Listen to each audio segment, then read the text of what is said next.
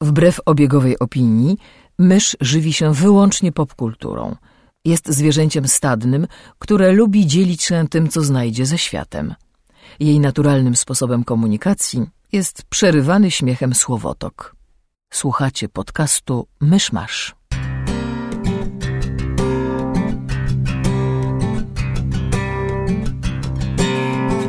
Gospodarzami podcastu Myszmasz są Krzysiek Ceran, redaktor portalu Avalon. Kamil Borek ze studia Kobart. i Mysz, autorka bloga Mysza Mówi. Drodzy słuchacze, jest poniedziałek, 11 stycznia 2016 roku, rocznica śmierci Toma Hardiego. Zapraszam do 119 odcinka podcastu Myszmasz. Cześć, to jest ten Hardy od... E... Thomas Hardy, autor e, Tess Duberville. Jeszcze raz co? Thomas Hardy, angielski autor, poeta. Tess de Uberville. A też D z apostrofkiem. Kompletnie nie zrozumiałem zbitki dźwięków. E, Witamy w pierwszym regularnym odcinku od niepamiętnych czasów. E, I ten, nie wiem jak wam, ale mi się nazbierało wiele, wiele tematów po drodze.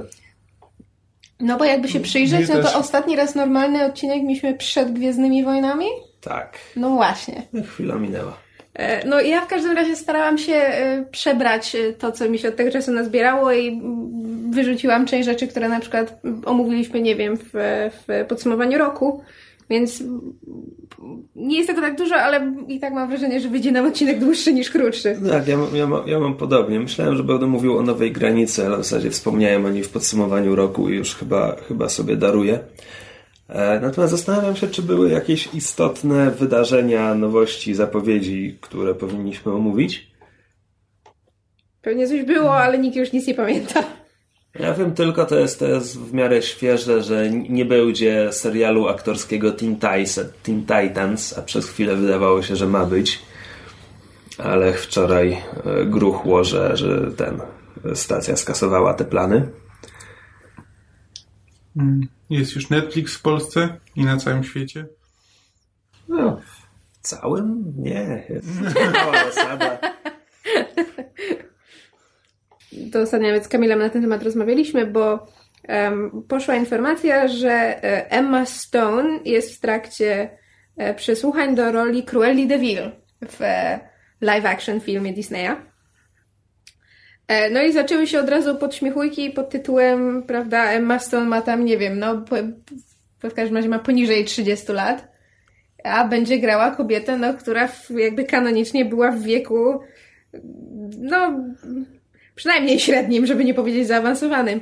I ludzie się strasznie z tego śmiali, także w związku z tym, że teraz zaraz w kinach będziemy mieli film e, Joy z Jennifer Lawrence, gdzie ona też gra, znaczy gra jakby kobietę przez różne etapy jej życia, włącznie z e, byciem tam chyba 40-kilkuletnią matką trójki dzieci, e, a Jennifer Lawrence ma w tym momencie chyba 25 lat i jakby zaczęła się znowu w niektórych kręgach internetu dyskusja. w American Hustle grała żonę Tak. 39-letniego Bradley'a Coopera. Jakby z... E, to w e, dziewczynę Coopera, który ma 38 lat, w Silver Linings Playbook. Skłamałeś Tak. w każdym względzie. W American Hustle to był Christian Hustle Bale. też. Christian A, Bale. Christian Bale, dobrze. No tak czy inaczej, ale gra równolatkę Christiana Bale'a w American Hustle, w, w tym w Silver Linings Playbook gra w, w, wdowę. E, No, Emma Stone grała już Hawajkę w filmie, którego nazwy nie pamiętam. Wszystko potrafi zagrać. e, Znaczy, po angielski to, tytuł był Aloha, a po, polski był jakiś coś tam... Witaj na Hawajach. Chyba tak, jak, jakiś taki generic title. Tylko, że to znowu z kolei e, rozpętało dyskusję na temat właśnie postrzegania wieku w Hollywood i że to dalej tylko przesuwa standardy tego, jak powinna wyglądać kobieta w średnim wieku i właściwie i znowu mamy to, że tak, że dziewczyny, dziewczyny facetów w średnim wieku mają po 20 lat, a już tak, a już kobiety po 40 to już nie bardzo mają miejsce w, w Hollywood, bo zastępuje je Jennifer Lawrence. Wszystkie. Tak, znaczy, jeżeli jesteś kobietą od wieku lat powiedzmy mm, 18 do powiedzmy mm, 60, to możesz spadać, bo twoją rolę na pewno zagra Jennifer Lawrence, którą bardzo lubimy, żeby nie było.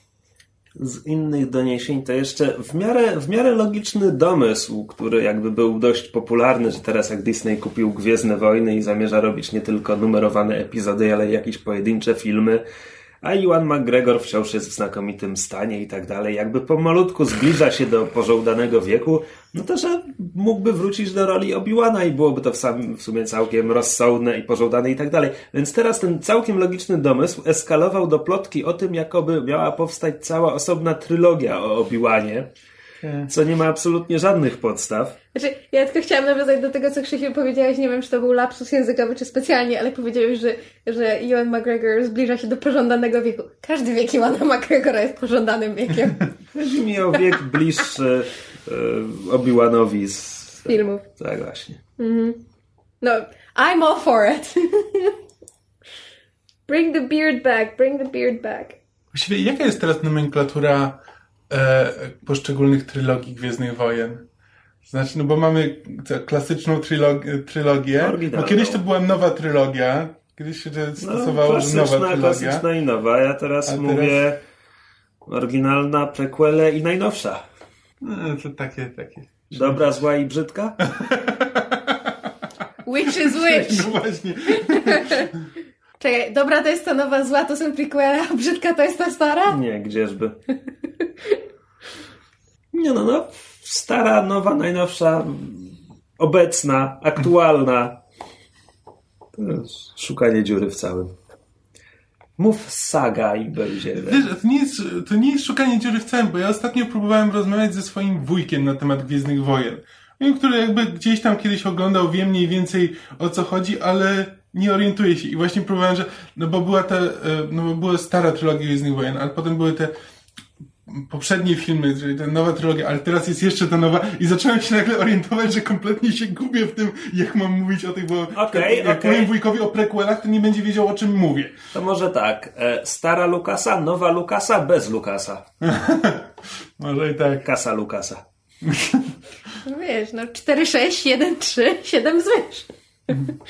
No właśnie, można cyferkami się posługiwać. Moim zdaniem to jest najprostsze, zwłaszcza jak rozmawiasz z kimś, kto jakby nie jest do końca w temacie. Epizod V. Czy teraz mamy epizod V? Wi. Jezu, teraz mam skojarzenia z, z tym, z Herkulesem Disneya, gdzie jest tekst pod tytułem Niech ktoś zadzwoni pod 1x, 1x, 1x. It was such a good joke. Nieważne. Ten Herkules Disneya jest, jest o tym, jak Herkules zdobywa Megarę, tak? I to jest ich szczęśliwe zakończenie, że oni są Tam na gdzieś, końcu po filmu drodze, razem. tam gdzieś po drodze on teoretycznie wykonuje 12 prac, ale to jest tak bardziej mimochodem w jakimś tym. Wykonuje 12 prac, zanim zabije Megarę. On zabija swoją żonę i dzieci. Ale zabija je po pracach. dzieci Nie. zjada. Prac, myślisz o Kronosie. Pracę wykonuje jako pokutę za to, czego się dopuścił. Ja to zapomniałam już. Ale potem ma kolejną żonę, nie? Możliwe. A, czekaj, tak, potem ma kolejną żonę, która daje mu koszulę, którą ufarbowała w krwi centaura. Krew centaura okazuje się trująca, o czym żona nie wiedziała była.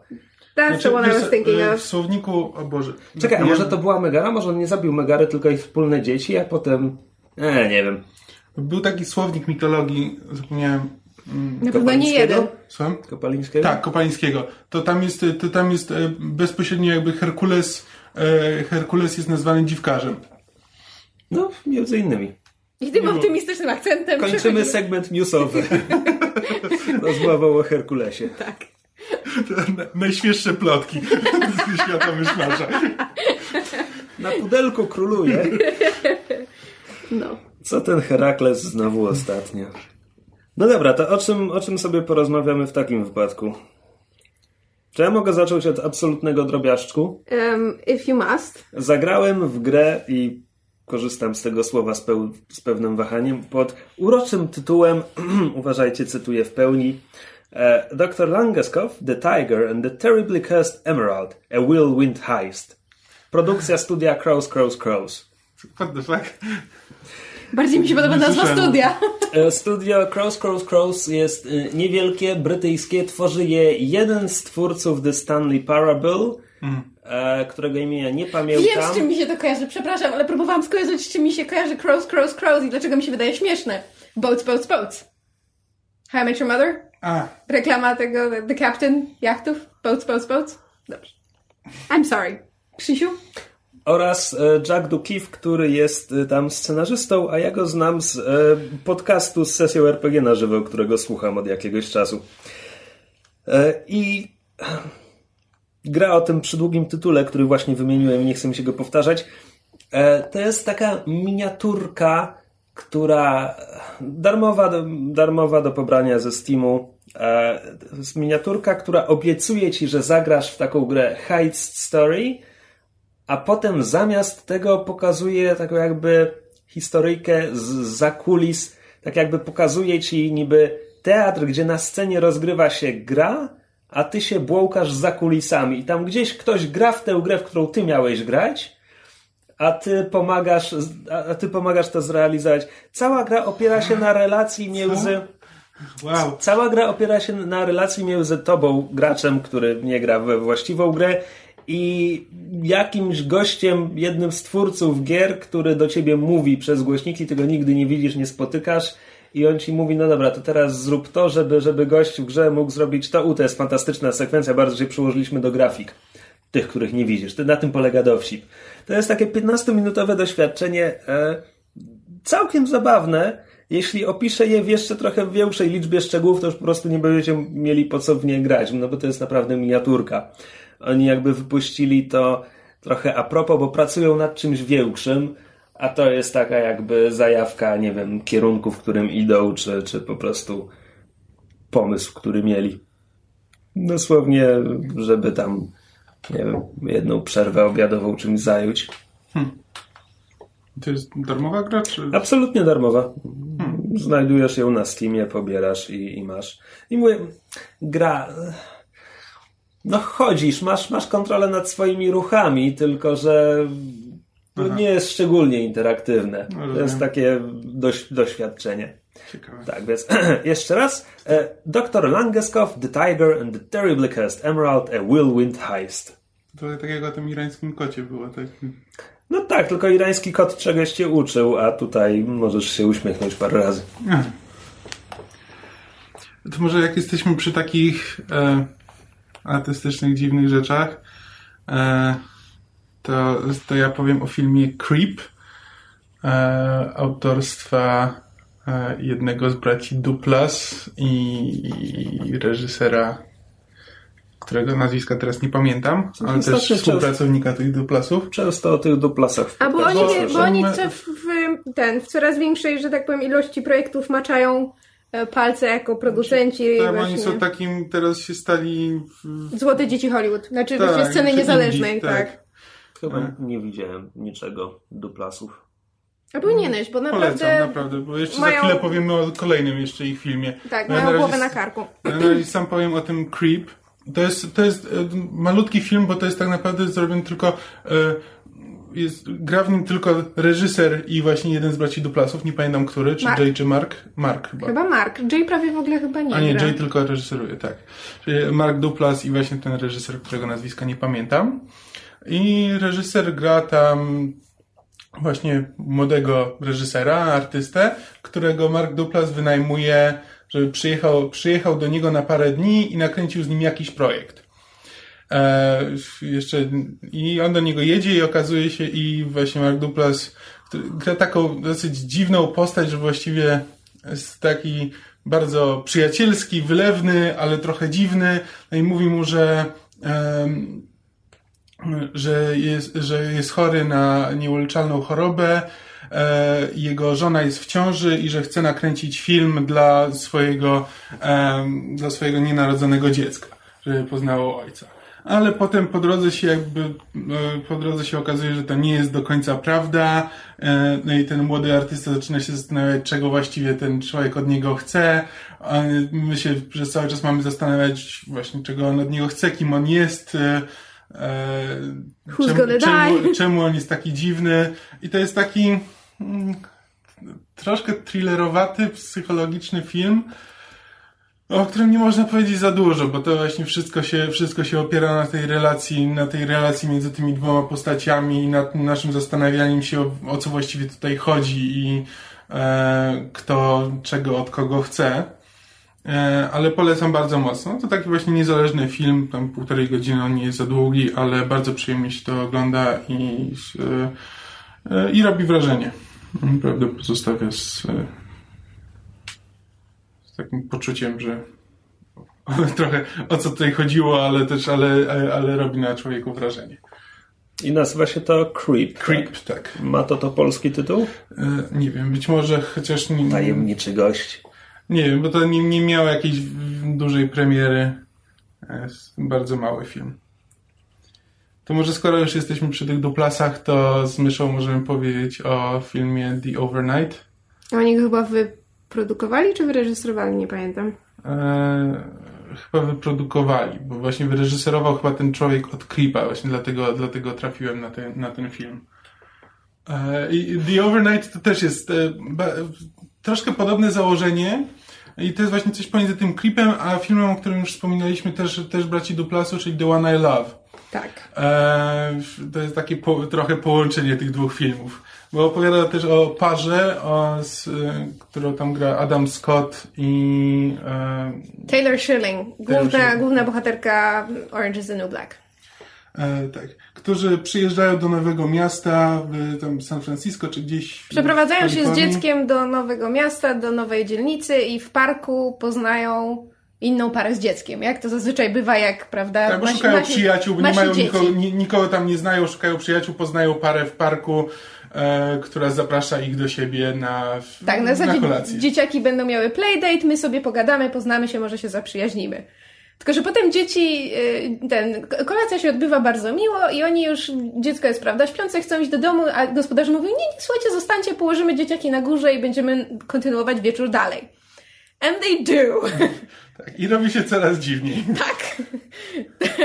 I trudno para... jest opisać do końca, co się dzieje, bo to jakby wymagałoby... Um... Ale przynajmniej przybliżcie gatunek, bo to może być i horror, i komedia. I ja jeszcze nie um, wiem, o czym mówicie. Awkward sex drama? Tak, to, to, jest, to jest, to jest znaczy, dramat obyczajowy. Jakby komedia? To, to, nie jest ani thriller, ani horror. To nie jest do końca komedia, choć no, są tam elementy komediowe. Nie jest to zupełnie na serio film. Znaczy na, zdecydowanie nie jest na serio. Um, I to jest właśnie taki, że obs obserwujemy tą, tą parę, która czegoś, czegoś od nich chce, E, tego, to parę gra, nie, kobieta nie wiem kim jest, ale z, e, faceta gra Jason Schwartzman, on się tak. Jason nazywa? Tak. Jason. Tak. E, i, jakby też zaczynamy obserwować, że tamta druga para też ma jakieś swoje problemy, które próbuje rozwiązywać za pomocą ich i jest jakieś dziwne seksualne napięcie pomiędzy wszystkimi, pomiędzy wszystkimi, pomiędzy poszczególnymi postaciami. E, I to też, to jest taki film, który po prostu trzeba... O ludziach, o związkach, tak. o małżeństwie, o relacjach międzyludzkich, o pożądaniu, o, o seksie, o jakimś takim przyciąganiu. Tak, jakby głównym tematem tego filmu są te relacje między poszczególnymi postaciami, zarówno między e, Małżonkami. Między małżonkami, e, a jedną parą i drugą parą, poszczególnymi osobami e, w tych parach. E, I to bardzo, bardzo fajnie nakręcone, bardzo fajnie pokazane. Absolutnie przedziwne. Znaczy, ja, ja nie spoilując, ja się spodziewałam zupełnie innego zakończenia i zakończenie jest tak niespodziewane i tak, mam wrażenie, trochę obok całej reszty filmu, że ja zostałam z takim trochę, ha, Aha, to to był koniec. Hmm. Mm. Nie wiem, co myśleć. Mm. Znaczy, bo to jest, jakby to nazwać, że to jest film bez spełnienia? jakby to powiedzieć? E, ale przy tym jest naprawdę bardzo fajny i jakby inteligentnie zrobiony i, i fajnie się go ogląda, natomiast mam wrażenie, że jeżeli ktoś jest bardzo podatny na second hand embarrassment, to nie wytrzyma. Bo film się na tym opiera, film jedzie na takim uczuciu takiego awkwardness i ojejku, ta tak, sytuacja jest taka niezręczna, co oni zrobią, jak oni z tego wybrną i jeżeli ktoś tego nie lubi, to, to mu się nie spodoba. Znaczy tak, tylko że to nie jest taki second embarrassment, jak jest na przykład w, w komediach, w głupich komediach, że jakby na tym ma się opierać jakby cała, cały humor sytuacji, tylko jakby ten second, no bo jakby mamy odczuwać mamy odczuwać to samo, co odczuwają postaci tego filmu, to znaczy e, kompletne jakby zażenowanie, niezrozumienie, co się dzieje, e, czego właściwie ci ludzie od nich chcą, że w sumie to ich lubimy i to są fajni ludzie, ale są tak dziwni, że właściwie nie wiadomo o co chodzi. Tak, czy po prostu wiesz, czy to jest ten moment, kiedy dzwonimy po taksówkę i uciekamy? Tak. No to jest i ewidentnie jakby to samo, to samo odczuwają postaci, że tak cały czas, że kurczę, że strasznie fajnie im się rozmawia, że to są strasznie fajni ludzie, poznali bardzo, bardzo ciekawe osoby, które jakby, e, z którymi bardzo chcą się poznać, ale też z drugiej strony co chwila dzieje się coś dziwnego i tak i e, nie, i nie wiedzą co ze sobą zrobić. No, w każdym razie bardzo polecamy. Intrygujące. Tak, to są właśnie niestety takie filmy, o których bardzo trudno się mówi, bo się opierają w bardzo dużej mierze na właśnie psychologii postaci i niestety e, nie można też o nich za dużo powiedzieć, bo... Kino niezależne, co zrobisz? No tak. Jak kontynuowałem swoją edukację z dorobku studia Ghibli i obejrzałem film Zrywa się wiatr, To ten najnowszy, prawda? O... znaczy to jest ten ostatni wyreżyserowany przez Hayao Miyazakiego. Tak. I jest to pierwszy film studia Ghibli, który mnie autentycznie rozczarował, a nawet gorzej znudził. Bo Właśnie to jest, to jest dziwne. tak... To jest tak, to jest historia Jiro, chcę powiedzieć. Nie, nie przypomnę sobie nazwiska. E, W każdym razie chodzi o postać historyczną konstruktora myśliwca Zero, głównego projektanta. E, I idea na film jest taka, że to jest taka piękna dusza, marzyciel, który chce po prostu projektować samoloty, ale przyszło mu to robić w świecie, który kroczy w stronę wojny i to nie jest tak, że on jest zupełnie ślepy na to, do czego jego projekt zostanie wykorzystany, ale, ale on po prostu chce tworzyć samoloty, a to jest jedyny samolot, który w tym momencie dają mu stworzyć. Mniej więcej. Więc to jest powiedzmy jedna część filmu. Druga część filmu, pod pewnymi względami może najlepsza, to są takie senne y, sekwencje, kiedy on sobie wyobraża, że rozmawia z słynnym włoskim projektantem samolotów, którego nazwiska też nie pomnę. E, I on takie prowadzi z nim takie rozmowy o tym, o tej ich wspólnej pasji i one się odbywają na takiej ciągnącej się po horyzont polanie i nad głowami latają im samoloty i to często są jakieś takie absolutnie niemożliwe konstrukcje i tam wtedy po prostu animatorzy sobie folgują i to bardzo ładnie wygląda. I wreszcie trzecia część filmu to jest adaptacja japońskiej powieści Zerwał się wiatr, która nie ma nic wspólnego e, z samolotami i ich konstruktorami. Powieść dotyczy e, sanatorium dla chorych na gruźlicę.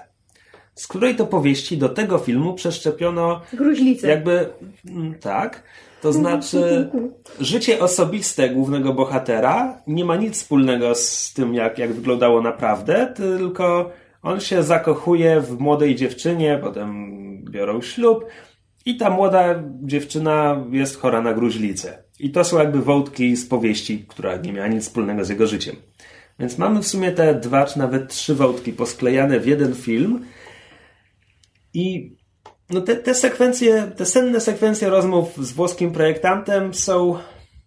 Tam nie ma szczególnie dużo treści, ale wyglądają ładnie, a poza tym to są jakieś krótkie wstawki. To nie jest jakby ważna część składowa filmu. Znaczy, jest ważna, ale nie, nie zajmuje wiele czasu. E, historię Jiro i jego chorej ukochanej ogląda się całkiem sympatycznie, aczkolwiek nie chcę, żeby to zabrzmiało jakoś strasznie trywialnie, ale jeśli widzieliście, słyszeliście, czytaliście jedną historię zakochanej gruźliczki, widzieliście, słyszeliście, czytaliście je wszystkie. Rozumiem. No ale to jest wątek, który jakby leci po, po tym, czego się spodziewasz po takiej historii, ale robi to dobrze. Natomiast wydawałoby się główna część filmu, czyli jego historia jako projektanta, jest tak banalna. To znaczy, on jest, on jest geniuszem. I wszyscy dookoła widzą, że jest geniuszem i robią co mogą, by pomóc mu realizować jego talent i, marzenia. I, I to jest historia. Jakby tam, tam nie ma żadnego konfliktu. Tam nie ma żadnych trudności. Tam okej, okay, no pierwsze samoloty się rozpadają, ale to są samoloty, gdzie on tylko tam, nie wiem, projektował jeden uchwyt, a to nie były jego projekty. I jakby tak bardzo tego nie rozumiem. Znaczy, tak, tak, tak, tak bardzo tam nie ma treści. Pojawiają się jakieś sugestie. Tam w pewnym momencie na przykład dowiadujemy się, że japońska tajna policja chciałaby z nim, cudzysłów, porozmawiać. Więc, więc jego współpracownicy jakby chowają i chomikują w domu jednego z nich. I to jest jakby koniec tematu. On ma też swojego najlepszego przyjaciela, też projektanta, y, który często tam, rozmowy z nim często schodzą na temat tego, jaka to Japonia jest obecnie biedna, jak musi gonić świat. I tam trochę pobrzmiewa echo takiego imperializmu, jakby możesz się domyślić, że okej, okay, to tutaj rozmawiają o powodach, które doprowadziły do, jakby, do tego, że Japonia wzięła udział w wojnie, jakby coś tu jest, ale to jest tak bardzo w tle. I to po prostu nie działa. No to, to, tak samo to, że mamy do czynienia z tą piękną duszą w świecie, gdzie tam zaraz wybuchnie wojna, to też jest jakby to jest, to jest w idei tego filmu, ale film tego nie wykorzystuje. Jest jedna świetna scena, gdzie, gdzie on już, już kiedy tam siadają do prac nad samolotem, który okaże się zerem. E... Przepraszam. I, I Giro tłumaczy tam swoim współpracownikom, jak on sobie wszystko wyobraża, i w pewnym momencie mówi, że no jeśli zrobimy to, to, to i to, to ten samolot będzie w stanie osiągnąć prędkość o 50 węzłów większą niż to, czego wymagają od nas tam zleceniodawcy z, z armii. E, I tam wszyscy już zaczynają laskać, na co dzień tak, chociaż wtedy hmm, da się to zrobić, o ile wyjmiemy uzbrojenie. Jakby cała sala zaczyna się śmiać i Giro po chwili obraca to w żart, ale widzisz, że przez chwilę on niczego tak by nie chciał, jak właśnie, jak właśnie zrobić ten niewiarygodnie szybki samolot bez broni. Tylko, że no to nie jest samolot, który ktokolwiek mu zbuduje w tym momencie. Więc ten wątek czasami owocuje fajnymi scenami, ale tak ogólnie w tym filmie nic ciekawego się nie dzieje. Hmm. Oraz, i to nawet zaskoczyło mnie chyba jeszcze bardziej, nie, nie podobała mi się muzyka. Ale jest ten sam kompozytor, co tam, yy, może nie do wszystkich, ale do, do, do większości filmów Ghibli robił, więc zupełnie już nie rozumiem, co się stało. Szkoda. To może skoro jesteśmy przy pięknych duszach, to e, w końcu obejrzałem Inside Llewyn Davis. E, bo, bo, chciałem zobaczyć Oscara Isaaca e, w Obejrzyj Ex Machina. Ex Machina oglądałem. A, oglądałem. Ja nie oglądałem Ex Machina. Obejrzyj Ex Machina. Dobrze, Krzysiu. E... Znaczy, oglądając po pierwsze, to jest film e, braci Coenów czego nie wiedziałem oglądając. Może i dobrze, bo przez to mnie film bardziej zaskoczył, niż gdybym wiedział, że to jest film braci Coenów. E... W sumie dziwne, dlatego że dla mnie to jest bardzo koenowski film. Znaczy tak, tak, jakby jak zobaczyłem na w napisach końcowych, że właśnie e, nazwisko braci Coen, to a no tak, no. a, ma jest. sens. Tak. E... Czy jest czarno-biały? Tak. Okay. Co? No są tam fragmenty czarno-białe, nie? Czy ja źle pamiętam? Czy mi się zlało z trailerem, który czy, był czy, czy całą historię opowiada pies? Nie, ale jest kot przez cały film. Znaczy, to jest... Znaczy, jak na film koenowski, to nie jest, nie jest aż tak koenowski, jak potrafi być. Właśnie nie ma takich zagrywek, że, nie wiem, opowiada coś pies, czy, e, czy nie ma jakichś wielkich e, stylistycznych zagrywek. Mm. No to jest po prostu taka historia właśnie e, niespełnionego artysty, który no, odniósł, odniósł sukces, kiedy grał w duecie, ale coś się stało z, e, z jego, jego partnerem, o czym nie chcę mówić. E, I teraz próbuje robić solową karierę, co głównie się sprowadza do tego, że gra po jakichś barach za napiwki i nie, i nie, nie może związać końca z końcem. E, I to jest taka właśnie historia, która nie wpada ani w żadne e, ani w jakiś przesadny tragizm tej postaci, bo bardzo łatwo było, ani też mitologizowanie tego, że e, to jest artysta, który że jakby pieniądze, pieniądze nie grają roli, jeśli jesteś artystą, czy coś takiego. Nie, tylko po prostu opowiada taką bardzo życiową historię i robi to w bardzo, w bardzo fajny, bardzo kompetentny sposób. Znaczy, nie ma tam jakby dużo treści, dużo jakichś niezwykłych sytuacji, ale to momentami dobrze, bo tam jest na przykład taka scena, w której e, właśnie postać Isaaca, czy ten Lewin zostaje zatrudniony e, do e, do wystąpienia w albumie tam jego znajomego, czy ma grać. E, ale, ale ponieważ potrzebuje pieniędzy, to jakby mm, podpisuje inną umowę niż tam proponują i jakby w, producent, producent mówi, no ale przez to nie, nie dostaniesz żadnych tantiem z tego, że dobrze, dobrze, ten nie, nie potrzebuje. I ja już, ja w tym momencie, o matko, to wróci ten, nie, ten wątek nie wrócił. po prostu nie, nie, nie, ma to żadnego znaczenia, że jakby nie wpada w taki tragizm, że o, teraz te, tamten, tamten znajomy zrobił wielką fortunę, a jego ominęły wielkie pieniądze. Nie, właściwie ten wątek, nie wiem, być może tak się potem stało, być może nie, ale film do tego praktycznie nie wraca. Znaczy, dalej skupia się na, życie, na życiu Lu, Luina i nad tym, jak on próbuje swoje własne osobiste, osobiste problemy połączyć z tym, że próbuje robić karierę i też nie ma na nic nigdy pieniędzy.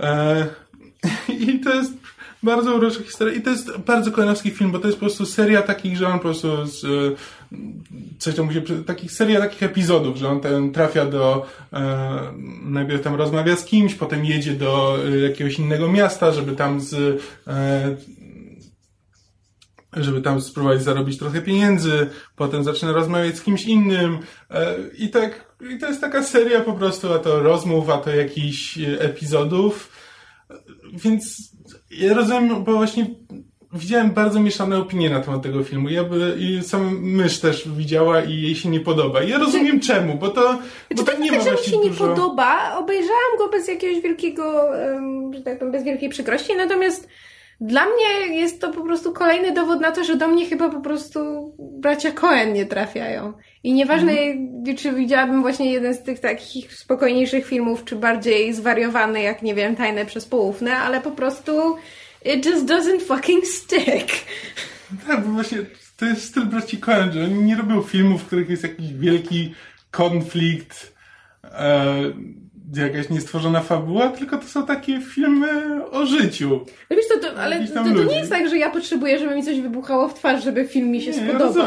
Ja, ja, ja bardzo to... lubię, jak filmy są takie, wiesz, niedopowiedziane i pełne subtelności i jakieś takie artystyczne. Lubię kino niezależne, tylko po prostu... Nie, ja rozumiem, tylko że tam nie ma Bracia ani, Coen do ani mnie przesłania, ani nic. Przypomnij mi, jest... obejrzałeś Fargo? Nie, Fargo nie obejrzałam. Fargo jest najlepsze. Ja wiem i się przymierzam, ale tak...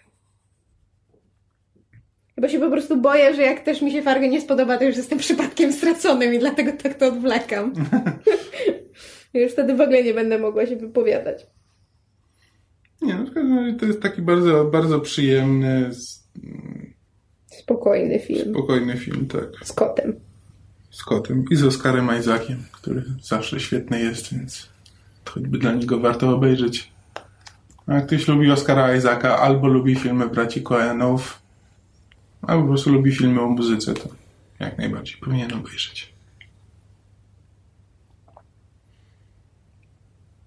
To może ja się wepchnę z kołcikiem czytelniczym, jeśli nikt nie ma nic przeciwko.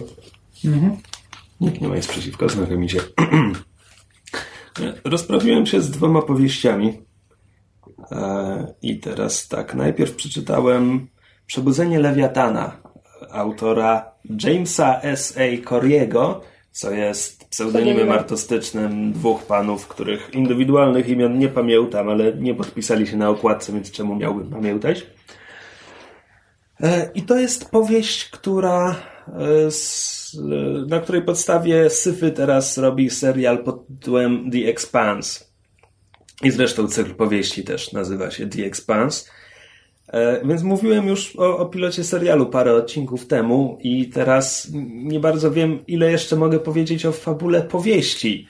Mamy, mamy system słoneczny, nie wiem, jakieś 3-4 wieki do przodu w stosunku do nas E, skolonizowany przez ludzkość i to już od, od pokoleń do tego stopnia, że ludzie, którzy mieszkają i pracują na pasie asteroidów między Marsem i Jowiszem, e, zmienili się. Są, są tacy wychudli, mają bardzo długie kończyny, e, są bardzo wysocy, e, więc pytanie, czy to wciąż ludzie, to często wraca, często wraca w powieści.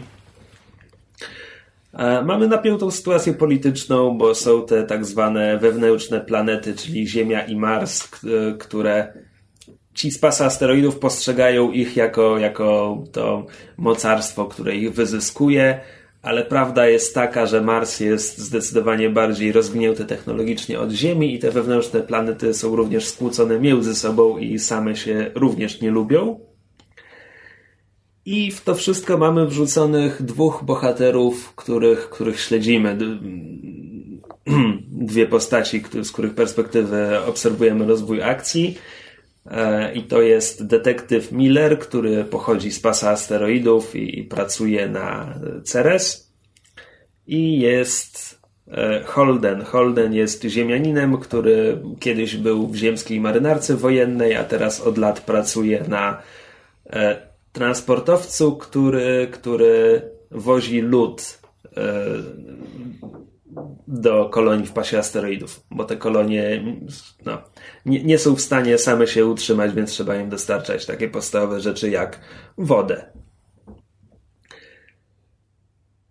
I tak, Holden i, jego załoga trafiają na opuszczony wrak, który wysyła sygnał SOS, gdzie doszło do czegoś tajemniczego. No i badają tę aferę. I okazuje się oczywiście, że to jest tylko czubek góry lodowej i tajemnica jest dużo większa i konspiracja tam się mackami w zasadzie wszędzie. A zupełnie gdzie indziej detektyw Miller e, zostaje poproszony, żeby znaleźć córkę e, bardzo bogatej rodziny ziemskiej, która odwróciła się od swojej rodziny i poleciała w kosmos, żeby tam pomagać ludziom z pasa asteroidów i walczyć o ich niezależność i, i tak dalej. Po czym okazuje się, że te dwie sprawy są powiązane, ponieważ oczywiście, bo konwencja narracyjna tak tego wymaga. Bo kosmos jest bardzo mały. No, tak. A... I teraz tak, powieść jest zbudowana. Przede wszystkim gdzieś trafiłem na opis, że Expans to jest gra o tron w kosmosie i ta fraza tak mi popsuła lekturę, bo to nie jest gra o tron w kosmosie. To, to, jest, to jest jakby. To może nie jest to po prostu przygodowe science fiction, ale powiedzmy taki thriller polityczny, gdzie owszem jest całkiem sporo przygód. Naprawdę nie widzę związków z grą. I, i żałuję, że, że po prostu to, ta fraza zaległa mi się w muszczku, bo cały czas się spodziewałem jakiejś eskalacji, która tak naprawdę nie następuje. Znaczy, zaczyna wybuchać wojna, więc niby coś się dzieje. Natomiast my nigdy nie widzimy, nigdy nie widzimy decydentów. Tak naprawdę wszystko widzimy z perspektywy tych, tych dwóch ludzi tam kompletnie, no nie na Ziemi, bo są w kosmosie, ale z perspektywy metaforycznej ulicy. Mm. I jakby to jest fajne, tylko po prostu cały czas spodziewałem się czegoś innego. E, Poza tym powieść, e, aha no tak, Związek z Growotron. E, mamy rozdziały, które są nazwane imieniem bohatera, z którego perspektywy akurat e, obserwujemy akcję. Tylko tutaj jest tylko dwóch takich bohaterów, jest po prostu cała książka to jest Holden, Miller, Miller, Holden, Holden, Miller, Miller, Holden, Holly i tak dalej. Cała książka. A że gdzieś w połowie ci dwaj się spotykają i potem przez całkiem długi czas są razem, to skakanie po postaciach po prostu w pewnym momencie kompletnie traci sens. Bo no, po prostu cały czas obserwujemy tę samą akcję, tylko, tylko skaczemy między tymi dwoma głowami i to się po prostu robi dziwne. A mimo to podobało mi się. Jest to wszystko fajnie opisane, jest tam autentyczne napięcie. W pewnym momencie, co prawda, zacząłem kombinować, dokąd ta fabuła zmierza i tak sobie pomyślałem, o kurczę, hmm, Mam wrażenie, że to może być bramka numer jeden. I no, to będzie strasznie głupie, jeśli to będzie bramka numer jeden. Z drugiej strony, a może za tym wszystkim stoją bramka numer dwa? Kurczę, to byłoby jeszcze głupsze. Po czym czytam dalej i okazuje się, że odpowiedzią jest bramka numer trzy, za którą znajduje się że tak powiem, frakcja z zabramki numer jeden i frakcja z zabramki numer dwa, czyli oba głupie rozwiązania, które mimo to są splecione w sposób, który oferuje coś ciekawego. Żeby nie powiedzieć zbyt wiele, ostatecznie byłem całkiem usatysfakcjonowany, choć książka kończy się strasznie nagle. I to, to, to nie dlatego, że tam jest otwarte zakończenie, no bo wiadomo, że to początek cyklu. Nie, zakończenie jest całkiem zgrabne, tylko mm, strasznie po łebkach zostaje opisane. I to jest dziwne. Ale mimo to wydaje mi się, że, że sięgnę po następną powieść z cyklu. Nie wiem tylko, czy wrócę do serialu, którego wciąż obejrzałem tylko pierwszy odcinek. E, Bo z pierwszego odcinka pamiętam, że tam poznajemy bohaterkę, która najwyraźniej jest kimś istotnym w tym uniwersum. Jej nie ma w tej powieści. Więc tak sobie myślę, że ten serial kompiluje te książki i tak zastanawiam się, czy jeśli chcę poznać fabułę z książek, to, to chyba nie, nie mogę bezpiecznie oglądać serialu. No. I przeczytałem też drugą książkę, ale nie wiem, czy chcecie mi przerwać po drodze, żebym ja nie mówił tak długo. No, myślę, że możemy dokończyć już książki, żeby się trzymać. No to dokończmy książki. E, Potem przeczytałem Bliznę Czajny Miewila, która jest środkową e, powieścią z tak zwanej trylogii Baslak. Mówię tak zwanej, bo ja ją czytam zupełnie od złej strony, czyli najpierw przeczytałem ostatnią, teraz przeczytałem środkową i kiedyś przeczytam pierwszą, Ale one i tak nie mają nic ze sobą wspólnego. ale one i tak nie mają nic ze sobą wspólnego. Tak. Aczkolwiek główna bohaterka Blizny najwyraźniej jest wspomniana w jednym zdaniu w Dworcu Perdido, czyli pierwszej części. Tak. No to jest mniej więcej powiązanie na poziomie trylogii Cornetto Edgara Wrighta. Prawdopodobnie tak. A mówiłem o trzeciej części, czyli o Żelaznej Radzie, mówiłem jakoś tak w zeszłym roku albo ześlejszym roku. W każdym razie już kiedyś w podcaście o niej mówiłem. E, Świat Baslak to jest świat, w którym istnieje wiele różnych kultur, cywilizacji, wiele inteligentnych gatunków. Nie wszystkie z nich są humanoidalne. E, ale jest jedna potęga, która jest potężniejsza od wszystkich innych i jest to miasto, państwo Nowe Krobuzon. E, I zarówno Żelazna Rada, jak i Blizna opowiadają jakby o ludziach, którzy szukają, którzy próbują uciec od Nowego Krobuzon. Czy może konkretniej, w, główną bohaterką Blizny jest e, Belis Coldwine, która jest em, tłumaczką i która ucieka z Nowego Krobuzon ze względu na powody. Coś była powiązana z ludźmi, którzy coś przeskrobali. To, to akurat jest nawiązanie do dworca Perdido, więc dokładnie nie wiem o co chodzi. E, I okrętuje się na statek właśnie jako tłumaczka. E, Tym statkiem są również transportowani więźniowie do kolonii karnej Nowego Krobuzon i większość tych więźniów to są tak zwani przetworzeni, czyli ludzie, którym za karę doczepiono jakieś steampunkowe protezy e, albo, albo dodano dodatkowe kończyny, i, Czemu za karę? bo są przestępcami. Ale w sensie, jaka to jest kara dla nich? Wiesz co? Um, to jest właśnie tematem książki, że ta logika jest strasznie pokręcona. Pamiętam, no nie wiem, najbardziej taki przykład, który zapisuje się w pamięci, to chyba w dworcu Perdido jest kobieta, która udusiła swoje dziecko i została przetworzona w ten sposób, że rączki tego dziecka przyszyto jej do twarzy, żeby nigdy nie zapomniała, co zrobiła. Wow. Okej, E, moving on. Tak, ale, ale zazwyczaj, ale zazwyczaj tej, tak, nawet takiej logiki tam nie ma, bo w, w bliźnie jest na przykład dziewczyna, która, której bodajże amputowano nogi nad kolanami i porusza się na takim wózku parowym ze swoim własnym silnikiem i no, tak. Dobra, bo za długi ten wstęp już się robi.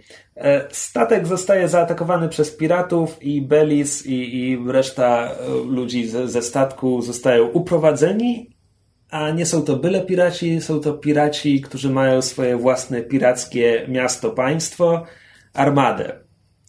Armadę pisze się z, przez duże A i Armada jest, w zasadzie jest głównym bohaterem powieści. Bo Belis jest tylko postacią, z której perspektywy obserwujemy rozwój akcji. Zresztą nie jedyną, jest, jest ich tam więcej. E, I Melville też nie, nie jest przykuty do tych postaci. Znaczy czasami na po prostu na pół strony nagle przeskakujemy i obserwujemy akcję z perspektywy kogoś, kogo dotąd w ogóle nie widzieliśmy. Armada jest miastem złożonym z mnóstwa okrętów, tratew, okrętów powietrznych. E, wszystko to jest sklecone razem i zamieszkałe przez ludzi z całego świata, którzy tworzą nam takie społeczeństwo. A, I od, od, w zasadzie od przybicia Belis na, na armadę książka dotyczy już nie tyle, nie tyle jej, co takiej większej historii, tego dokąd armada zmierza, w jakim celu. Poznajemy to miejsce razem z Belis, e, dowiadujemy się, jaka jest jego historia, jakie podziały wewnętrzne, spory, jakie toczą jego mieszkańcy, władcy, zwłaszcza władcy. E, I Armada jest, no jak już chyba mówiłem, że, że jest głównym bohaterem powieści e, i jest fantastycznie opisana. To znaczy, ze wszystkich miast, ze wszystkich powieści fantazy, jakie czytałem, mam, mam wrażenie, że Armada ma najwięcej charakteru i autor najlepiej przekazuje, jak może nie tyle jak ono wygląda, bo tam do samego końca nie potrafiłem sobie dokładnie wyobrazić, które statki są przycumowane do których i, i tak dalej, ale jaki jest jego charakter, jak czym się cechuje. No, jest to wszystko po prostu świetnie opisane. Mieville ma zresztą e, fantastyczną wyobraźnię. I no Bas, Baslak jest fantastycznym światem, jeśli ktoś, tak jak ja, nieco się już znudził tym tak zwanym generic fantasy, czyli... E, elfy smoki. No nawet nie elfy smoki. Jezu, przed chwilą odbiłem się jak od gumowej ściany od e, imienia wiatru Patryka Rotfusa, które tam chyba nie ma elfów i smoków, tylko ludzie, ale nie wiem, no po 80 stronach po prostu 80 stron tak błahych, tak nieciekawych i nudnych. Znowu, może to nie jest zła książka, ale sięgnąłem po nią zaraz po bliźni i to chyba był błąd. Po prostu blizna no, na jakby w jednej tak. stronie mieściła więcej pomysłów niż Rotfus zawarł na 80. Nieważne. Nie polubię się chyba z panem Rotfusem, nie zamierzam wracać. Ale w zasadzie nie wiem, co... Nie wiem, ile jeszcze mogę powiedzieć, znowu, żeby nie powiedzieć o bliźnie zbyt wiele. Tak naprawdę. No o tym, o tym, że Belis dociera na armadę, wiemy, wiemy z blurba na okładce, więc stwierdziłem, że tyle mogę powiedzieć, choć tak naprawdę chyba wolałbym, żeby blurb mi tego nie mówił, bo to jest jedna z książek, które gdy kończysz je czytać, orientujesz się, że gdzieś po drodze to się zamieniło w zupełnie inną książkę niż, niż ta, którą zaczynałaś czytać. I ja strasznie lubię takie zabiegi. Um, więc tak, ambasadoria była bardziej pomysłowa koncepcyjnie, jakby tam przyświecająca myśl całej książce była, była wyraźniejsza i, i przez to była trochę ciekawsza, ale Blizna jest chyba moim, moją ulubioną powieścią Miewila w tym momencie. Mówimy o Sherlocku? Wszyscy widzieli Sherlocka? Wszyscy widzieli Sherlocka, tylko chciałem jeszcze powiedzieć, że po prostu Miewila zawsze warto czytać, nawet jeśli jakaś jedna książka się nie spodoba. miasto i miasto. Kraken. E, no dobrze, no to wszyscy widzieliśmy i mamy nadzieję, że nasi słuchacze też już widzieli, nieważne czy w domu, może niektórzy widzieli w kinie. Um, nowy odcinek Sherlocka, ale nie jest to odcinek, e, że tak powiem, nowego sezonu Sherlocka, bo ten nas czeka dopiero haha, za rok. E, był to tak zwany odcinek specjalny Christmas Special, jakby go nie nazwać. E, I był o tyle ciekawy, że jakby już od dawna było wiadomo, że będzie się dział w czasach wiktoriańskich. Co jakby z jednej strony fani Sherlocka jako jakby postaci się ucieszyli, no bo to jest prawda, to są te klasyczne ramy, a z drugiej strony bardzo wiele osób podchodziło do tego jak pies dojeżdża, no bo jedną z jakby największych zalet Sherlocka BBC było właśnie przeniesienie tego w czasy współczesne i, i, i wpasowanie tego w, we współczesny Londyn. No i jak to wyszło? Znaczy no, ogólnie mamy tutaj do czynienia z takim podwójnym przeniesieniem, bo to nie jest po prostu Sherlock w swoim świecie, tylko to jest ten współczesny Sherlock Moffata i Gatisa w czasach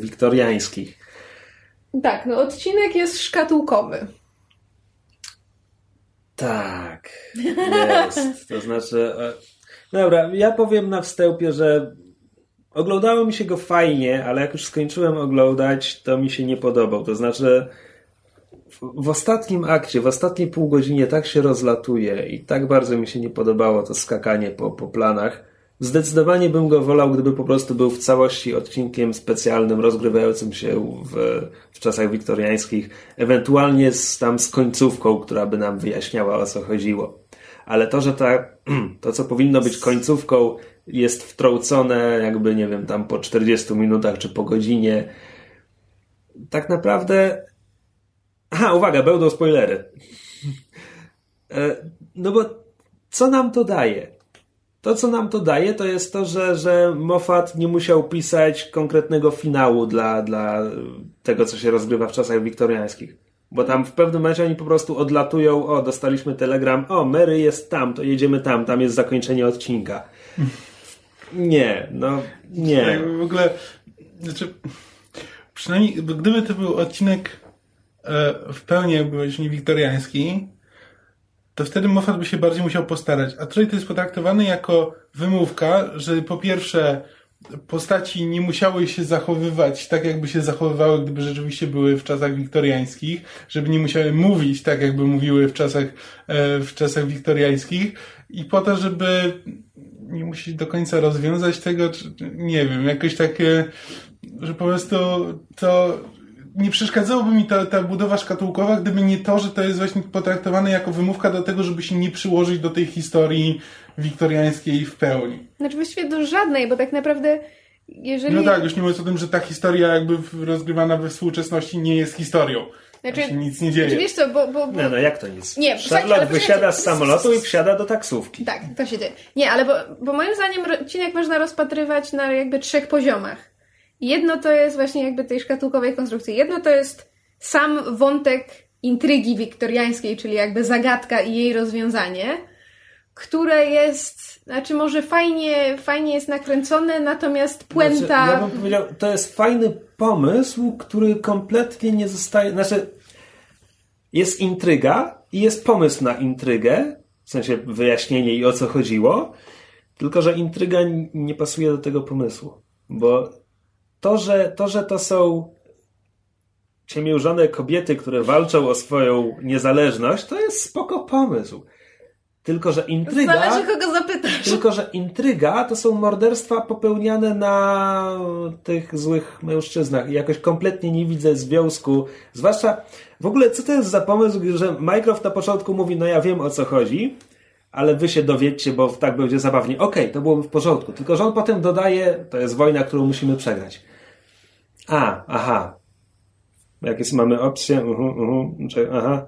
A, okej, dobra, to ja wiem o co chodzi. Tak, ale wszyscy tak mieli. No, ale kompletnie tego nie rozumiem. Znaczy wiesz co, e, bo jeżeli dobrze pamiętam, ja nie jestem aż tak obeznana z kanonem szeroka, natomiast czytałam różne, prawda, dyskusje i omawianie, ten, omówienia tego odcinka i jeśli dobrze zarejestrowałam, no to w oryginale to był e, Ku Klux Klan.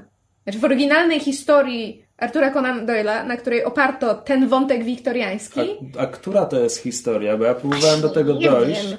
I mi wyszło, że to wcale nie ma takiej jednej konkretnej. właśnie nie wiem, ale Tylko są ja jakieś czytałem, takie... że wiesz, tam nie wiem, e, nasiona pomarańczy to są z tej opowieści, Tak, a nazwisko osobne- Emila, Emilii Rigoletti jest z tej opowieści i Znaczy- to wcale nie jest tak, że to jest jakaś jedna konkretna. Nie, ale w sensie chodzi kon- konkretnie jakby o tę intrygę, gdzie na końcu, prawda, Sherlock trafia do jakiejś tam, prawda, niech to będzie tajnej loży masonów, ale właśnie jest taki reveal przy, wiesz, iluś tam zakapturzonych osobach, podobno. Tajna, ale rzeczywiście tajna w tym... loża zakapturzonych sufrażystek. Tak, e, ale rzeczywiście w tym odcinku podobno jakby tych, tych odniesień do, do kanonu e, ten e, Conan Doyle'a jest, jest bardzo dużo. No, w każdym jest bardzo dużo. Tak, nie, jakby- tylko podobno, po, ponieważ to był właśnie taki niby miał być zamknięty w sobie odcinek, to było tego strasznie naćkane.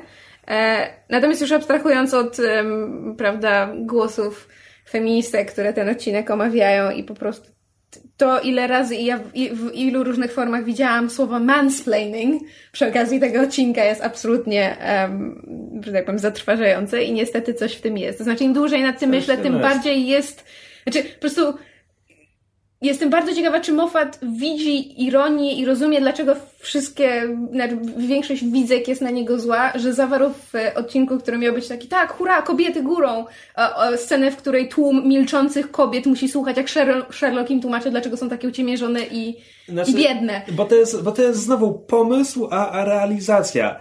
Bo Popatrz na kobiety w tym odcinku. Ja wiem, że to jest specjalnie przerysowane, jak wszyscy bohaterowie je rozstawiają po kołtach i mówią wróćcie do kuchni.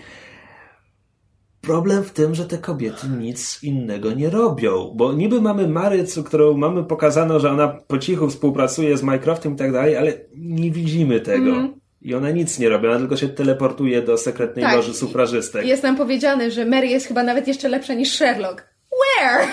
Znaczy po prostu, no. Tak, te, też właśnie to, że to jest wojna, którą musimy, prze, e, musimy przegrać, ten wątek, czyli to znaczy, że tak naprawdę e, kobiety nie wywalczyły sobie żadnej wolności, tylko mężczyźni pozwolili im... Dali im fory, tak. Tak, że dobra, okej, okay, no to rozumiemy, no trochę przesadziliśmy, no to macie, no okej. Okay.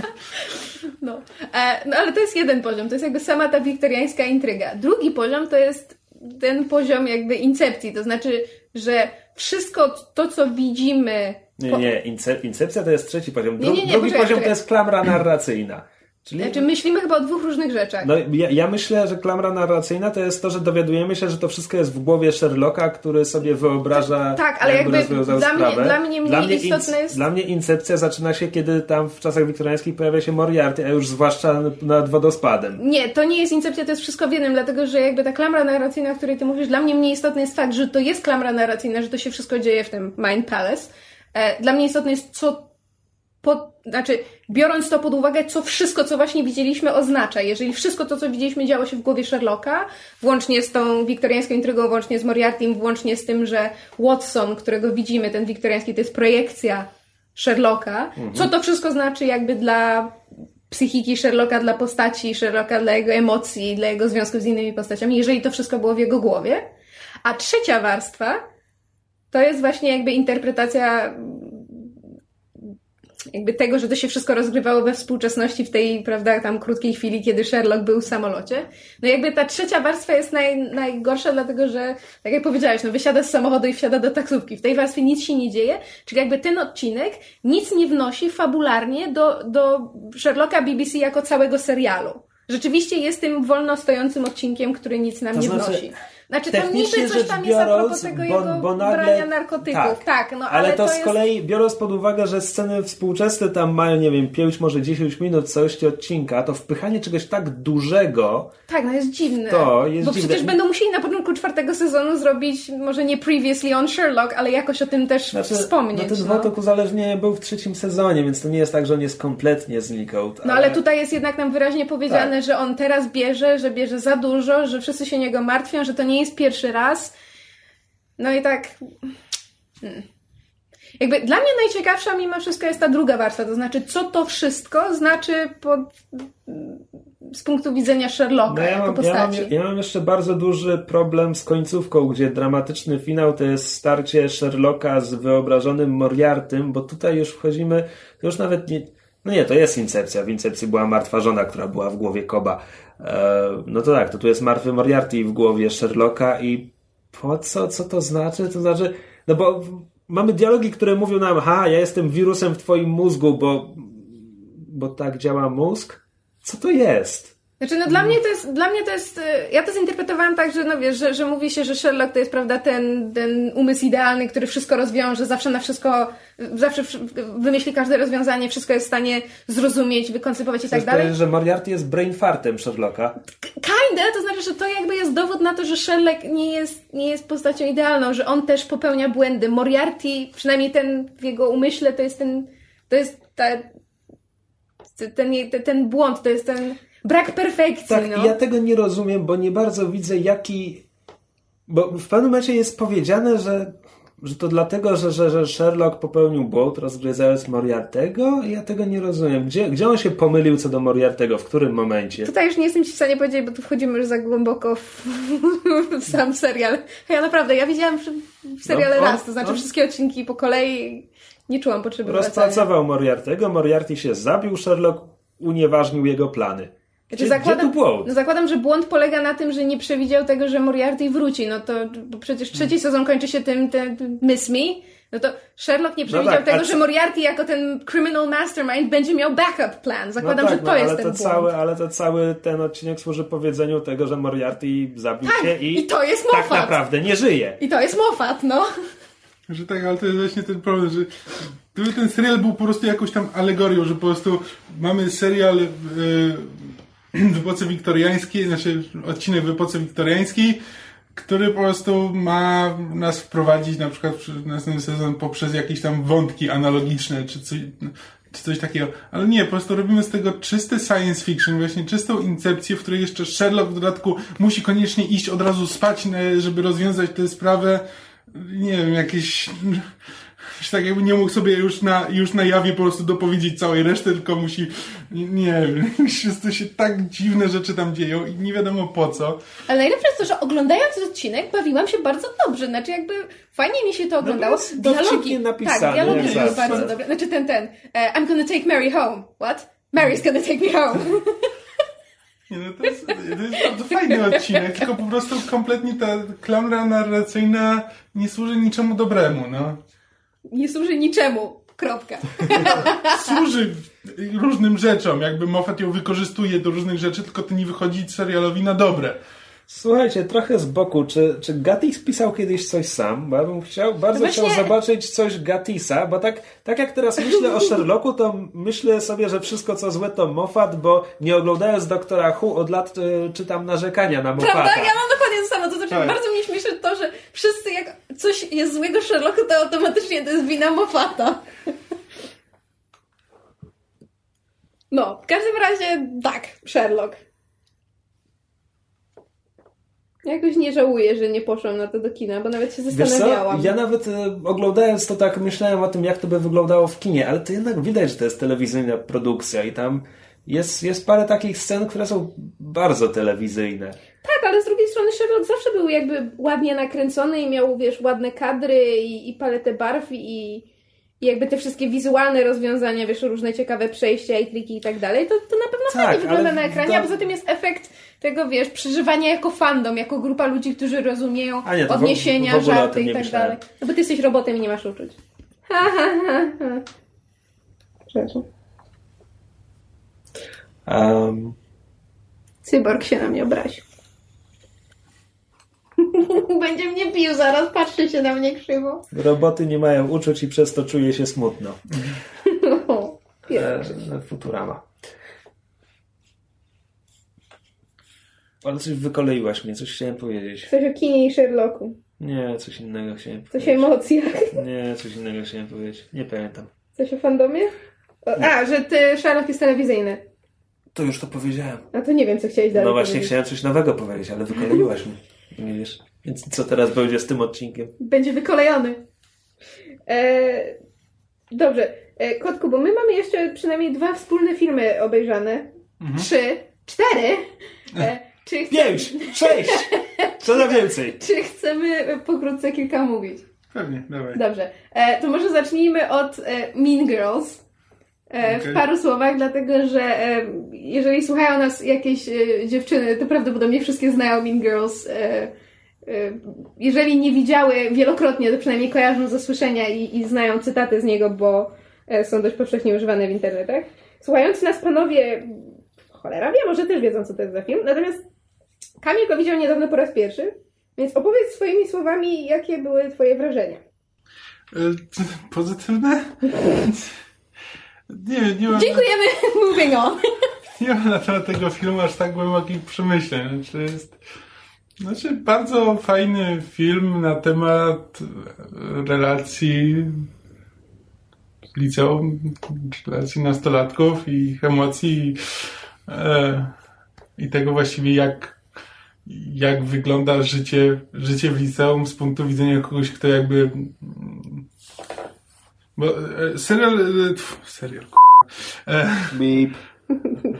E, historia w filmie jest taka, że Lindsay Lohan gra dziewczynę, która była jakby z, uczyli ją cały czas rodzice, ponieważ rodzice są naukowcami, którzy jeździli do Afryki, więc ona spędziła całe swoje dzieciństwo w e, Afryce tylko ze swoimi rodzicami i zwierzętami.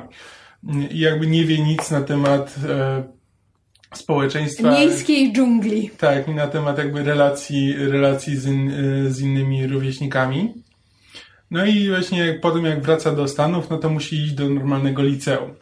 E, no i tam jest jakby mm, trafia najpierw na grupkę wyrzutków, znaczy na, Które ją przygarnia jak swoją. tak, E, a potem dostaje się z kolei, za- zaprzyjaźnia się z miejscowymi właśnie tymi Mean Girls, czyli księżniczkami, które tylko się śmieją z innych i... The Popular Kids. Tak.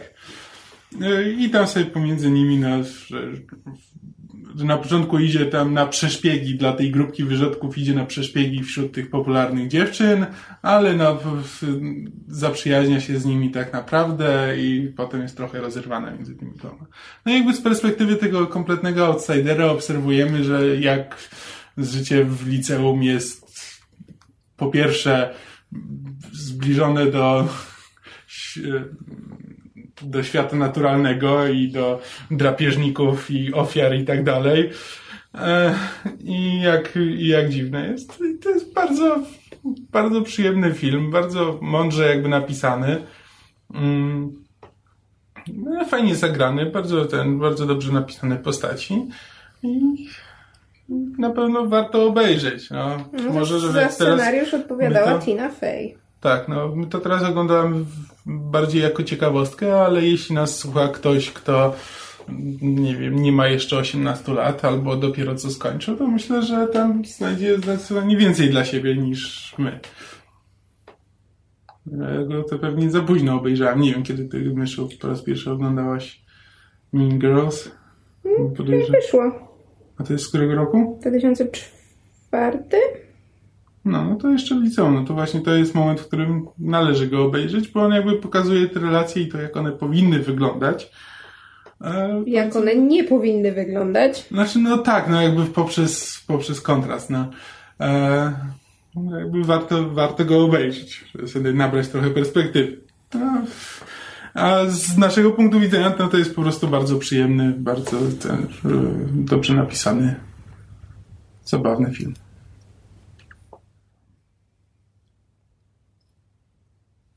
A drugie co było? Czekaj, co byśmy jeszcze The oglądali? Intern i He Never Died. Chcesz pozrzędzić na The Intern? I know you want to. Dobrze, mogę podrzędzić na The Intern. To jest to z De Niro? Tak. Tak, film z De Niro. Anne Hathaway. Kamil ma z tym filmem problem. Tak.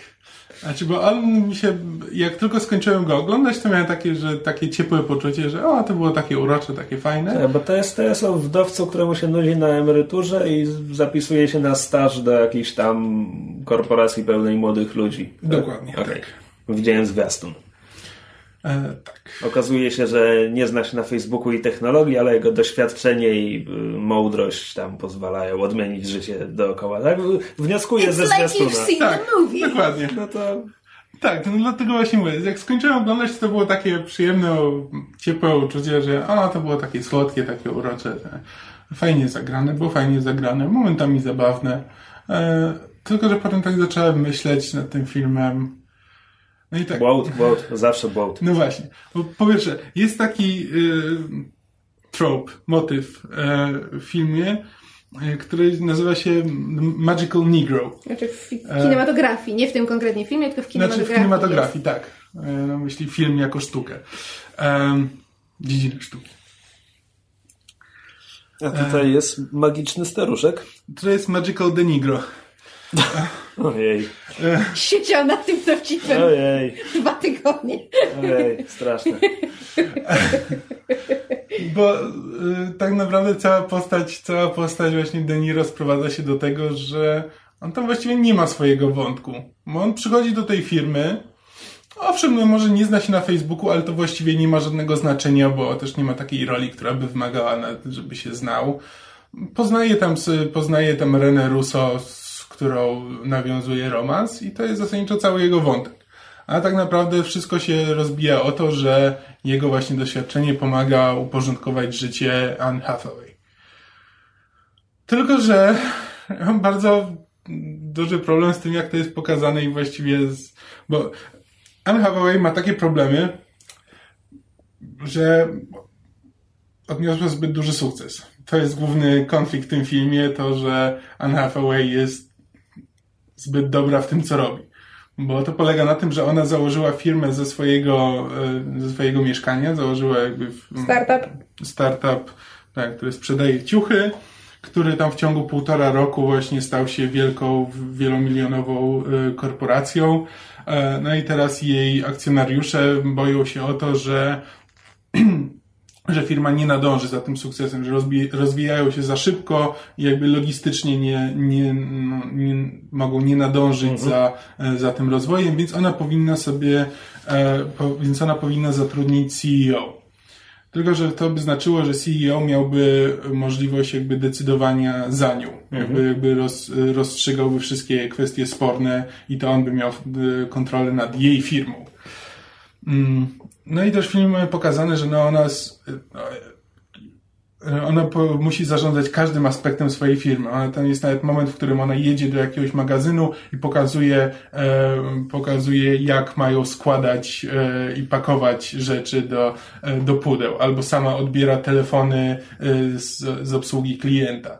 E, to nie jest tak, że ona musi, tylko ona chce. Chce mieć kontrolę nad no całą, tak, że ma taką potrzebę, potrzebę kontrolowania każdego aspektu działania, e, działania firmy.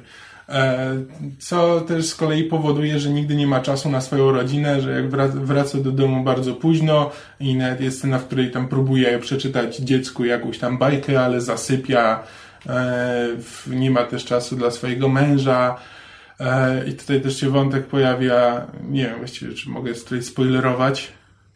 Mm.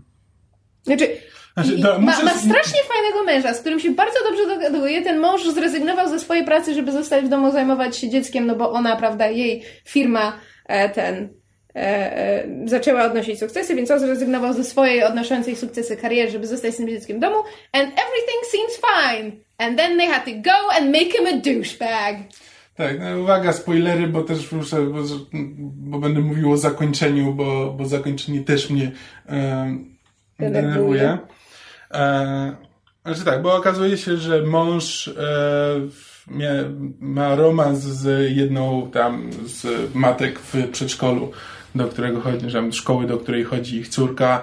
E, I na końcu no i jakby najpierw, najpierw e, De Niro się orientuje, że tamten ma romans, e, w którymś momencie no tam w końcu przyznaje, mówi e, Anne Hathaway o tym, Anne Hathaway przyznaje, że ona wiedziała o tym już wcześniej, no i że, i że ona tak naprawdę no to myśli o tym, żeby zatrudnić tego CEO, żeby móc spędzać więcej czasu w domu, bo wtedy może ten uratuje jakoś ten związek. I jakby. I ostatecznie ona stwierdza, że, e, że ona nie zatrudni tego CEO i że nie musi, nie musi wybierać między swoją rodziną a firmą, że może e, i że nie musi dla swojego męża e, rzucać, rzucać swojej kariery i wracać do domu. Mąż do niej wraca, przeprasza. Bla, tak, mąż wraca, przeprasza i to się wszystko kończy dobrze. Tylko, że jakby to nie, rozwiązuje sprawy, że ona, że ona nie miała, ups, ona nie miała czasu dla swojej rodziny. I to jest w filmie ewidentnie pokazane, że nie miała tego czasu. Po czym stwierdza, że ona nie ma zamiaru nic z tym robić, bo jej mąż miał romans. E, więc, więc ona nie musi już nic z tym robić. I, I właściwie kończy film w tym samym znaczy, punkcie, w którym go rozpoczęła. Znaczy, że jest znaczy, powiedziałeś to tak, jakby to był jej wniosek. Nie, film to tak pokazuje, ale jakby no... Ona nie stwierdziła, mój, mama, mój mąż miał romans, więc ja zostaję w mojej pracy, to jest moje. Nie, tylko że ona stwierdziła, że ona nie musi, nie musi wybierać. Tylko, że film nie pokazuje, w jaki sposób ma zamiar Nie, nie rozwiązać. musi, nie chce. No tak, no, że, no tak, tylko że ona no po prostu no, ląduje w tym samym punkcie, w którym była na początku, tylko że teraz jest magicznie mądrzejsza o to, co jej przekazał De Niro, ale też film nie pokazuje, co jej właściwie przekazał De Niro i w jaki sposób to, co jej przekazał, wpłynie na jej życie y, rodzinne Czyli, że tak naprawdę no, w tym momencie wybiera karierę nad rodziną, to nie jest, ani się nie nauczyła tego łączyć. Nie wiem właściwie jak to czytać. Po prostu mam wrażenie, że cały film po prostu po tej półtorej godziny po prostu bohaterka skończyła w tym samym punkcie, w którym zaczęła yy, na początku. I jakby niczego się nie nauczyła z tego. Nie, nie do końca rozumiem, co film chce przekazać i nie wiem, jeśli ktoś mi jest w stanie to wytłumaczyć, to, to zapraszam do komentarzy, ale moim zdaniem to jest coś jest nie tak. Myszu, bo ty powiedziałeś, że Kamil teraz sobie ponarzeka na The Inter, to znaczy, że tobie film się podobał? Wiesz to, to nie jest tak, że, że jakby nie rozumiem, o co Kamil ma pretensje, bo też się zgadzam z tym, że jakby film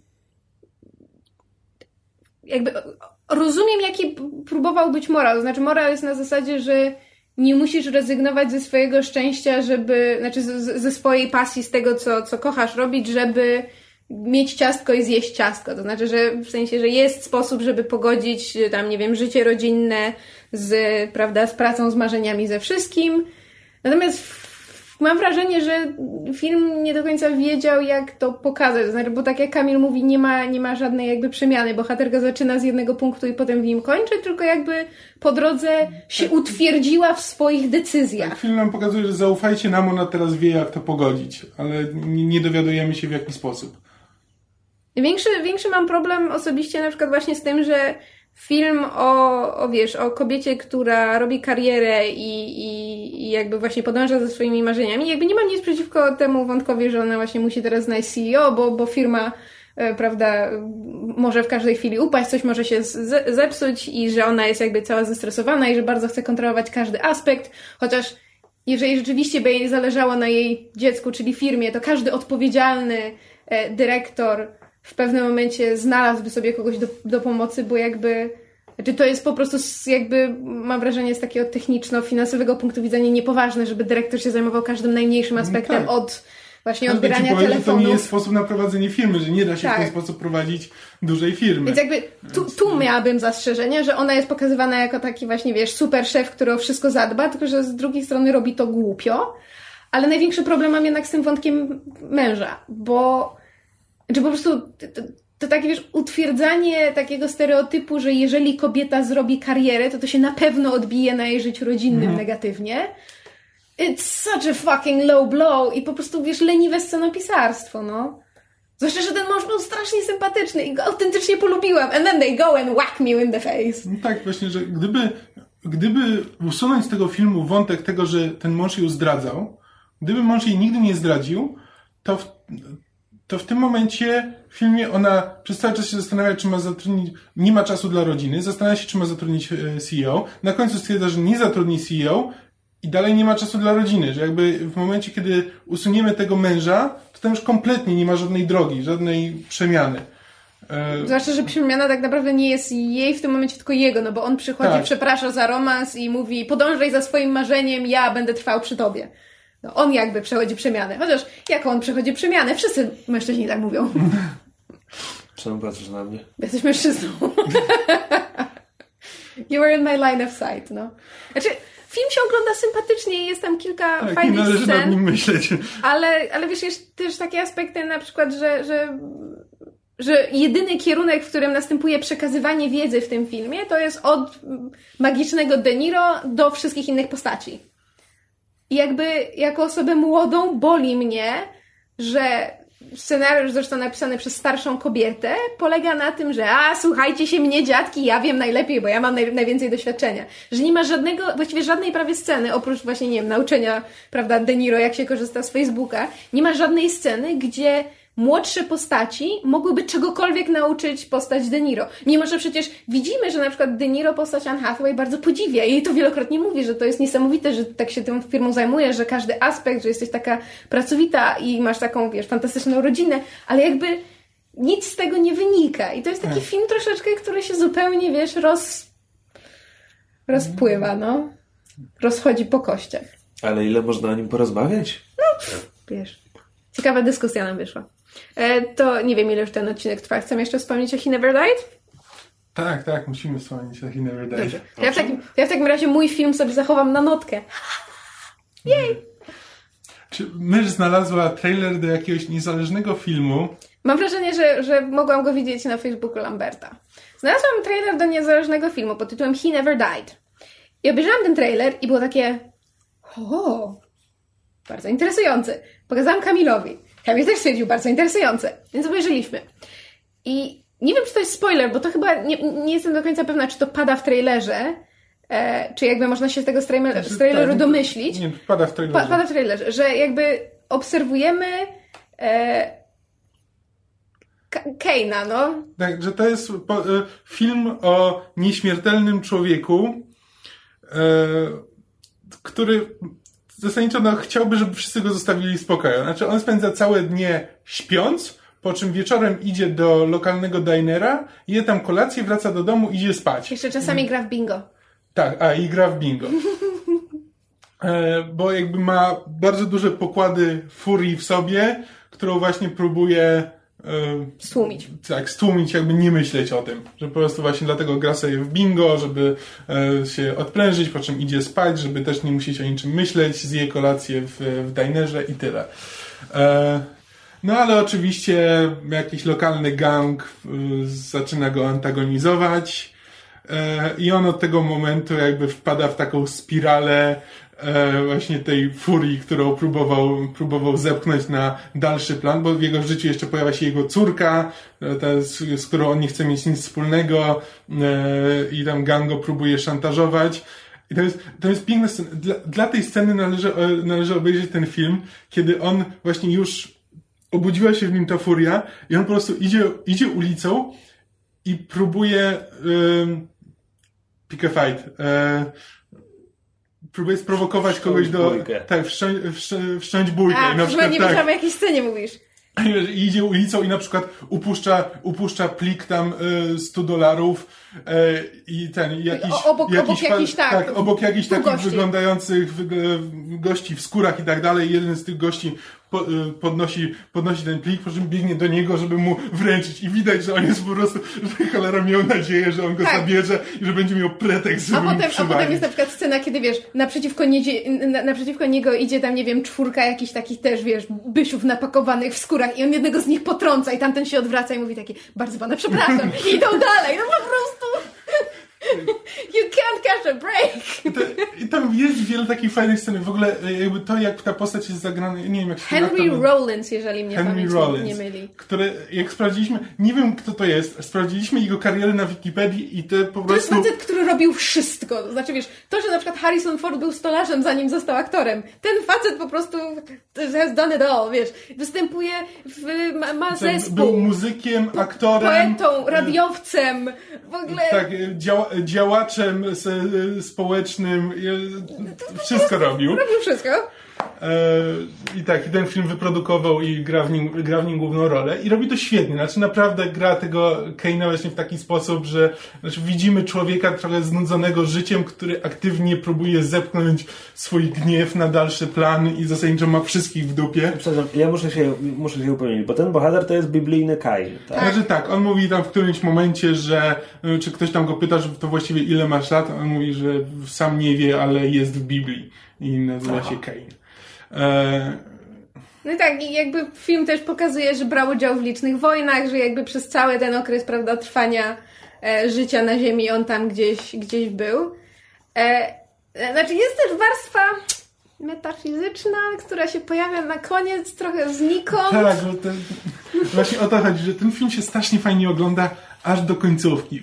Bo w końcówce ten film się kończy. Czy jego atak furii na koniec, kiedy on wrzeszczy na jedną z postaci jest absolutnie fantastycznie zagrany, natomiast jakby kontekst tej sceny jest taki... No dobrze, ale co co z tego chodzi. wynika?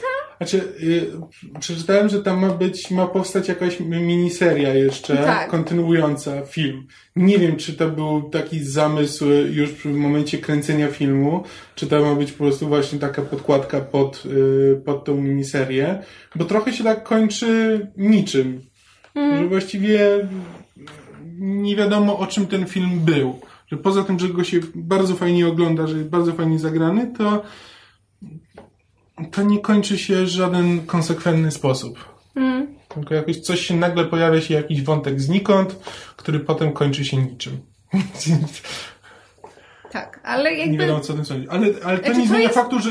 Bo, znaczy, ja polecam ten film. Tak, to jest, wiesz, to jest kino niezależne, nie każdego, nie do każdego trafi, niektórych znudzi, ale jakby to, to w ten sposób, jak właśnie się powolny, po, powolny sposób się toczy i jakby poznajemy te postaci nieco bliżej. Jest też jedna fantastyczna scena, kiedy, tak a propos tego, że aktor robił w życiu wszystko, jest fantastyczna scena, kiedy, Ale bo on... nie mów. Nie, dobrze. Bo to trzeba zobaczyć. Znaczy, jest fantastyczna scena, kiedy, e, bo on się zaczyna coraz bliżej poznawać z e, kelnerką w tym dinerze, gdzie, gdzie uczęszcza i jakby ona, widać, że ona, on jej się podoba, że ona próbuje się czegoś więcej o nim dowiedzieć, a on no, nie jest mm, rozmowny, raczej bardzo, bardzo niewiele mówi. Jest scena, kiedy ona wreszcie go zupełnie przypadkiem zmusza do tego, żeby się otworzył i powiedział coś więcej. I on wyrzuca siebie, z siebie taką nie- wyliczankę. I jest to absolutnie fenomenalna scena i chyba dla tych dwóch scen w ogóle warto ten film obejrzeć. No tak, bardzo polecam. No, Zdecydowanie, zdecydowanie warto, warto go sobie zobaczyć. Po to, bardzo, żeby- dużo, bardzo dużo fajnych pomysłów, jest bardzo fajnie zrealizowany, szczególnie jak na film niezależny. Mhm. Widać, że nie ma tam dużo pieniędzy w to włożonych, ale e, z tym, co mają, e, robią, e, robią naprawdę fajne rzeczy. E, Wszystkie postaci są interesujące, dobrze zagrane i, i bardzo fajnie jest napisany, fajnie wyreżyserowany. Polecamy bardzo. U, to może jeszcze na koniec ja wspomnę, bo czasami mi się zdarza wspominać o kinie LGBTQ i o takich jakichś mniej znanych e, e, dziełach, bo zakładam, że może część z naszych słuchaczy jest zainteresowana. Jak nie, to sorry. E, ale obejrzałam e, film dokumentalny Do I Sound Gay? E, I jakby w, w uwagę zwrócił, moją uwagę zwrócił trailer już jakiś czas temu i, i e, udało mi się film wreszcie zdobyć.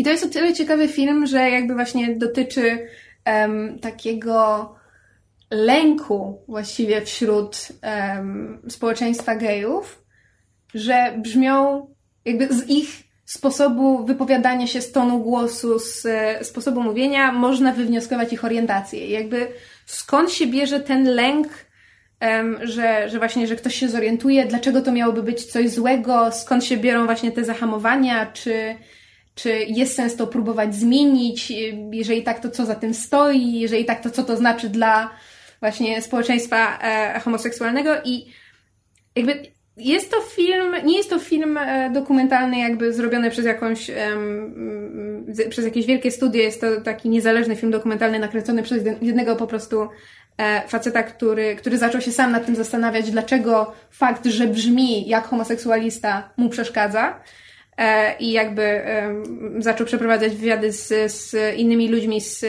wokół siebie, ze swoimi znajomymi, z ludźmi z, z tego społeczeństwa, z lekarzami, z e, terapeutami wymowy i, i, i, i jakby film nie dochodzi do żadnych konkretnych wniosków, natomiast dla mnie bardzo fajnie było go obejrzeć właśnie z tego względu, że em, w taki bardzo niebezpośredni sposób porusza kwestię tego, dlaczego nawet w społeczeństwie gejów, czy w ogóle w społeczeństwie em, LGBTQ, brzmienie jak gej jest uznawane za coś złego. Dlaczego bycie gejem jest czymś złym? Dlaczego miałoby być czymś złym? I mówię, film jakby nie dochodzi do żadnych konkretnych wniosków, nie mówi nam niczego wprost, natomiast bardzo fajnie właśnie w naokoło zmusza do zastanowienia się nad tym, dlaczego uważamy, no wiecie, na takie mówienie nie, dlaczego uważamy za coś złego.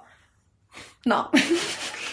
I teraz będzie na to, że mysz stereotypizuję gejów i jestem wstrętna. Ale to było tylko po to, żeby ten, to prove a point. E, W każdym razie, jeżeli kogoś to interesuje, e, to, to bardzo zachę- zachęcam Do I Sound Gay, to, to naprawdę fajny film. Ciekawy. Tak. To teraz mieliśmy całą rozpiętość przez filmy, książki, seriale. W każdej parafii. Tylko w myszmaszu. Zero sensu. 100% treści, zero sensu. Tak. Krzysztofie? Jesteś, jesteś przytomny? Mam wrażenie, że przysypiasz. Bo się szlajałem po mieście cały dzień wczoraj i jestem zmęczony. A, Nawet w muzeum byłem. you rascal. Prawda? Mieli do muzeum. Tak, mieliśmy iść do muzeum, bo ja chcę pooglądać sztukę starożytną. Dobra, ale to może sobie porozmawiamy o tym już poza odcinkiem. Dlaczego słuchacze mogliby być bardzo ciekawi naszych wniosków z muzeum? E, nie, dobra, śmiejemy się. E, w każdym razie dziękujemy Wam za uwagę. Jeżeli macie jakieś swoje, nie wiem, komentarze, pytania, z czymś się nie zgadzacie, e, e, to, to bardzo chętnie od Was e, usłyszymy na ten temat. Możecie do nas pisać na Facebooku, może nie, możecie pisać do nas w komentarzach na naszej stronie, możecie nam wysyłać maile. E, bardzo miło nam będzie od Was e, usłyszeć, przeczytać. Hmm. E, I to tyle na dziś. Dzięki Wam za uwagę i do usłyszenia prawdopodobnie w przyszłym tygodniu. Szok. Cześć. Ej. A little more joie de vivre. Ej! There you go. Pa wszystkim. Słuchaliście podcastu Myszmasz. Możecie nas znaleźć na myszmasz.pl lub polubić nasz fanpage na Facebooku. Możecie nam także wysłać maila na myszmaszpodcast@gmail.com. Jeśli do nas napiszecie, będziemy szczęśliwi jak kot na kolanach Oskara Izaka.